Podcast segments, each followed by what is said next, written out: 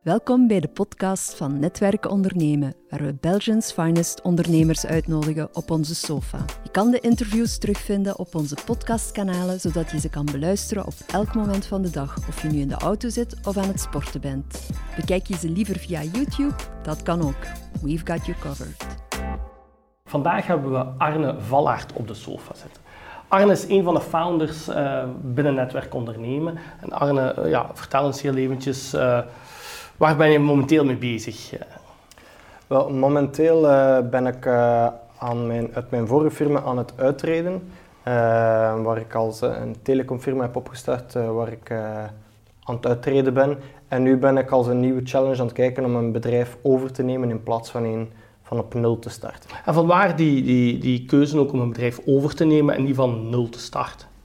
Wel, um, een bedrijf starten, algemeen gezien, uh, is 80% van de bedrijven faalt, waar dat 20% uh, effectief slagen, waar dat bij een bedrijf over te nemen dat de slagkans eerder 80% is dat er maar 20% van de uh, bedrijven faalt. Daartegenover staat ook nog eens dat je als startende ondernemer is heel moeilijk om je financieel plan correct te gaan voorspellen. elk plan moet grondig gewijzigd worden. Ik heb meermaals meegemaakt dat plannen maal maal 10, maal 20, maal 50 of gedeeld door 50, 10, 20 moeten, moeten gedaan worden. Maar het zo moeilijk is om te gaan voorspellen wat, wat uh, de product market fit gaat zijn, wat je kosten gaan zijn. Terwijl dat je bij een overname dat je vertrekt van een basis, vertrekt van een bestaande business, een bestaand product, uh, bestaande omzetten, bestaande klanten. En dat je een, een veel accurater zicht hebt op, op de effectieve cijfers van de onderneming en dat je financieel plan met een foutenmarge van, uh, van misschien enkele tientallen procenten uh, heel accuraat kan zijn en dat dus ook de slagkans ja. uh, daarmee verhoogt. Maar, maar, ik denk dat er redelijk wat mensen interesse hebben om een bedrijf over te nemen. Mm -hmm. Maar ja, waar vind je dergelijke bedrijven? hoe, hoe heb je daar, want je zit heel concreet ja. bezig, hè, weet ik. Klopt. Dus ja. hoe, hoe zijt je bedrijf op het spoor gekomen? Wel, er zijn verschillende manieren om, om bedrijven op het spoor te komen. Uh, het kanaal dat voor mij het best heeft gewerkt is via de verschillende brokers die er bestaan. Er zijn firma's zoals OBA, MNA, uh, Akis, uh, Overnamemarkt. er zijn verschillende spelers die websites hebben waar allemaal teasers staan van bedrijven die te koop staan. Ook KBC heeft tegenwoordig een, een Matchit platform. Dat zijn alleen een aantal grotere spelers.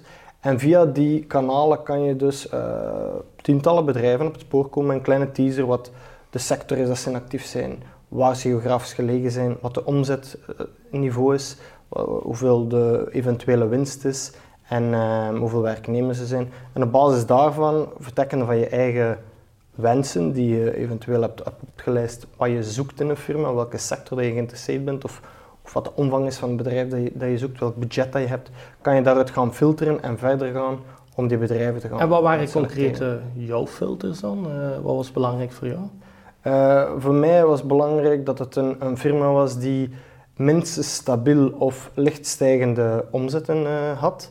ik had geen zin in een turnaround project of, of een firma die helemaal ja, omzetten omlaag aan het gaan was. Ehm, dat, dat was één element. Het moest uh, niet disruptief uh, gevoelig zijn.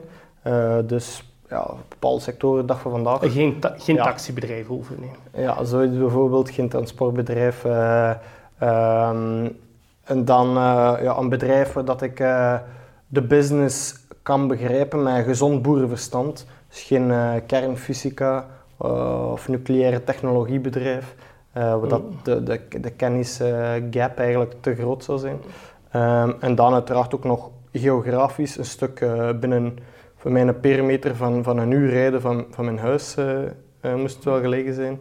En dan ook budgetmatig ehm, moesten de parameters kunnen kloppen dat het matchte met mijn Want met mijn inderdaad, een overname heb je financiële middelen nodig. Hoe, hoe ga je daar mee overweg? Is dat ook een deel, is allemaal eigenkapitaal of ook een deel extern dat je dat kan... Dus aan iedereen vrij om, om, om zijn financieringsmix uh, uiteraard zelf te gaan samenstellen. Uh, je kan dat ja, financieringsmix op verschillende manieren samenstellen. Je hebt altijd een stuk equity nodig, wat voor de banken minstens 20 of 30 procent is aan de ondernemer zelf om te kiezen hoeveel van die equity dat hij zelf, of zij zelf inbrengt en hoeveel dat hij gaat zoeken bij investeerders. Algemeen moet je wel rekenen dat je altijd minstens een stuk zelf zal moeten kunnen inbrengen om ook de, de banken uh, mee te gaan overtuigen dat je zelf voldoende uh, in het spel hebt te steken. Dus voldoende buy-in, dat je voldoende ja, betrokken bent met de firma en voldoende belang hebt dat alles, alles goed blijft, uh, blijft lopen. daarnaast heb je een stuk near equity mogelijkheden. zo doet PMV heeft een, een, een, systeem van achtergestelde leningen waarmee je kan gaan werken afhankelijk van het product of de sector, eventueel ook uh, crowdfundings of, uh, of andere near equity manieren om, om achtergestelde leningen te bekomen. heb je ook een, een, een vendorloan, waarbij dat je een, de, een lening ehm, van de verkoper ehm, mee in rekening brengt als voor, voor je aankoopprijs. Dus dat je niet alles cash betaalt, maar een stuk achterhoudt in een lening. En zo kan je ook een En die je dan jaarlijks gaat aflossen naar de verkoop? Die kan je jaarlijks aflossen. Je kan ook uh, in een bullet gaan structureren, dat je, dat je pas op het einde een stuk aflost. Dat is ook een stuk onderhandeling die je moet gaan, gaan voeren uh, met uh, de verkopers. Een, een, een, ja, een heel belangrijk onderdeel uiteraard. Um, dus dat zijn de equity gedeeltes, near equity gedeeltes. En dan heb je natuurlijk nog het stuk bankfinanciering.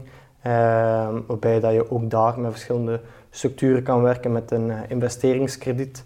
Dat is uh, hetgeen wat de bank het meest vooruit gaat schuiven met een, een, ja, maandelijks aflosbaar uh, krediet. Maar je kan ook met een stuk, met een bullet gaan werken, een soort van straight loan die pas op vervaldatum volledig af te lossen is. Um, er staan ook manieren bij om via een, een debt pushdown om, ja, om, om die schulden te gaan herstructureren en dat te gaan vermakkelijken. Dan ga ik al heel technisch natuurlijk om... Uh... Want als je natuurlijk snapt langs jou zijn, maar ook de verkoper, uh, heb je dan zoiets van, ja, je moet er nog wel even in blijven om mij de métier te leren? Uh, of heb je zoiets van, nee, uh, is een clear cut. ik erin, hij eruit. Hoe, hoe, hoe, doe je dat? Voor, voor mij was het sowieso een uitgemaakte zaak dat de verkoper minstens nog een geruime tijd in de firma aanwezig moest zijn. Ehm, en een geruime tijd hangt af van, ja, van de profielen van de business, uh, de omvang, wat, wat die geruime tijd dan is. Uh, vaak wordt er wel met een, een, twee jaar gewerkt. En ja, de overname waarmee ik nu concreet bezig ben, die, uh, ja, daar zijn die voorwaarden wel, wel zo vervuld. Oké, en als je um, heel dat proces, ja, je hebt redelijk wat, eh, meestal wordt een, een, eh, een hele due diligence gedaan. Heb je dat zelf voor een deel gedaan? Heb je daar laten bijstaan door externe partijen? Um, heel het gedeelte tot aan de letter of intent, dus de intentieverklaring waar al de algemene condities in, in besproken zijn zonder in elk detail te gaan. Dat heb ik volledig gedaan zonder externe raadgevers. Uh, vanaf dan was er een soort van voorlopig akkoord en is de kans dat je de deal gaat sluiten al vrij groot, 50 tot 70 procent. Eh, schrijven ze in de lectuur. Ehm, en vanaf dan heb ik wel ook beroep gedaan op verschillende adviseurs. Uh, het hangt ook een beetje af van je eigen kennis, welke adviseurs dat je moet uh, gaan kiezen. Maar in mijn geval was dat sowieso een advocaat en dat iedereen die nodig heeft voor het legale gedeelte. En daarnaast heb ik ook gebruik gemaakt voor een, uh, van een accountant om een stuk ja, externe validatie te hebben van de financiële cijfers. Ook al heb ik het, het financiële due diligence gedeelte um, ja, grotendeels toch zelf gedaan, dus- omdat ik daar zelf uh, ja, veel kennis rond heb. Um, en dan, afhankelijk van de sector, um, kan je ook nog een, een sectorspecifieke adviseur uh, gaan inroepen allee, afhankelijk uiteraard van, van, van de sector. Als er nu, nu kijkers zijn die, die concreet interesse hebben in een bedrijf over te nemen, wat zou jouw gouden tip dan zijn naar hun toe? Um, luister vooral naar de, de, de verkoper. Um, een, um, een overname is op een of andere manier ook een, uh, een, een verkoopsgesprek, want je moet jezelf als koper verkopen aan de verkoper dat hij zijn firma aan jou verkoopt. Uh, dus met dat is toch die vertrouwensband dan ook? Uh, ja, je moet goed luisteren wat voor de verkoper uh, belangrijk is. Voor sommige zaken is is, zelfs geld in de overname niet het belangrijkste. Je moet niet altijd het hoogste bod hebben. Het kan zijn dat, het, eh, dat ze het belangrijker vinden dat het, het emotionele aspect, dat, het, dat de firma goed wordt overgedragen, dat ze ja, vertrouwen hebben dat de werknemers aan boord blijven. Of, ja, er kunnen, kunnen heel veel verschillende aspecten spelen. Sommigen willen zo snel mogelijk uit de firma gaan, willen de, de overgangsperiode beperkt tot een jaar. Anderen willen misschien vijf jaar uh, graag nog blijven en willen vermijden dat ze achter twee jaar al aan de deur gezet worden. Dus mhm. je moet goed luisteren wat zij exact wensen. Uh, en uiteraard van daaruit gaan afwegen welke elementen voor jou gemakkelijk weg te geven zijn of, of die je zelfs graag hebt. Uh, en welke elementen dat je misschien ja, dat niet compatibel zijn of waar je misschien meer op wil strijden om, om ehm, om, om, voor jezelf eigenlijk je belangen te beschermen. En zo de juiste afweging maken tussen hun belangen en jouw eigen belangen. En zo ga je uiteindelijk allee, een, grotere kans hebben om een, een goede deal uh, samen te stellen. Dankjewel Arne, zeer interessant. Dus uh, we horen het juist, de gouden tip is luister ook naar de verkoper, um, want hij kent zijn zaak. Um, hebben jullie nog vragen, kunnen jullie die onderaan onze video steeds vragen. Uh, verder abonneer u op ons YouTube kanaal van Netwerk Ondernemen en dan zie ik jullie graag terug in een van onze volgende verhalen.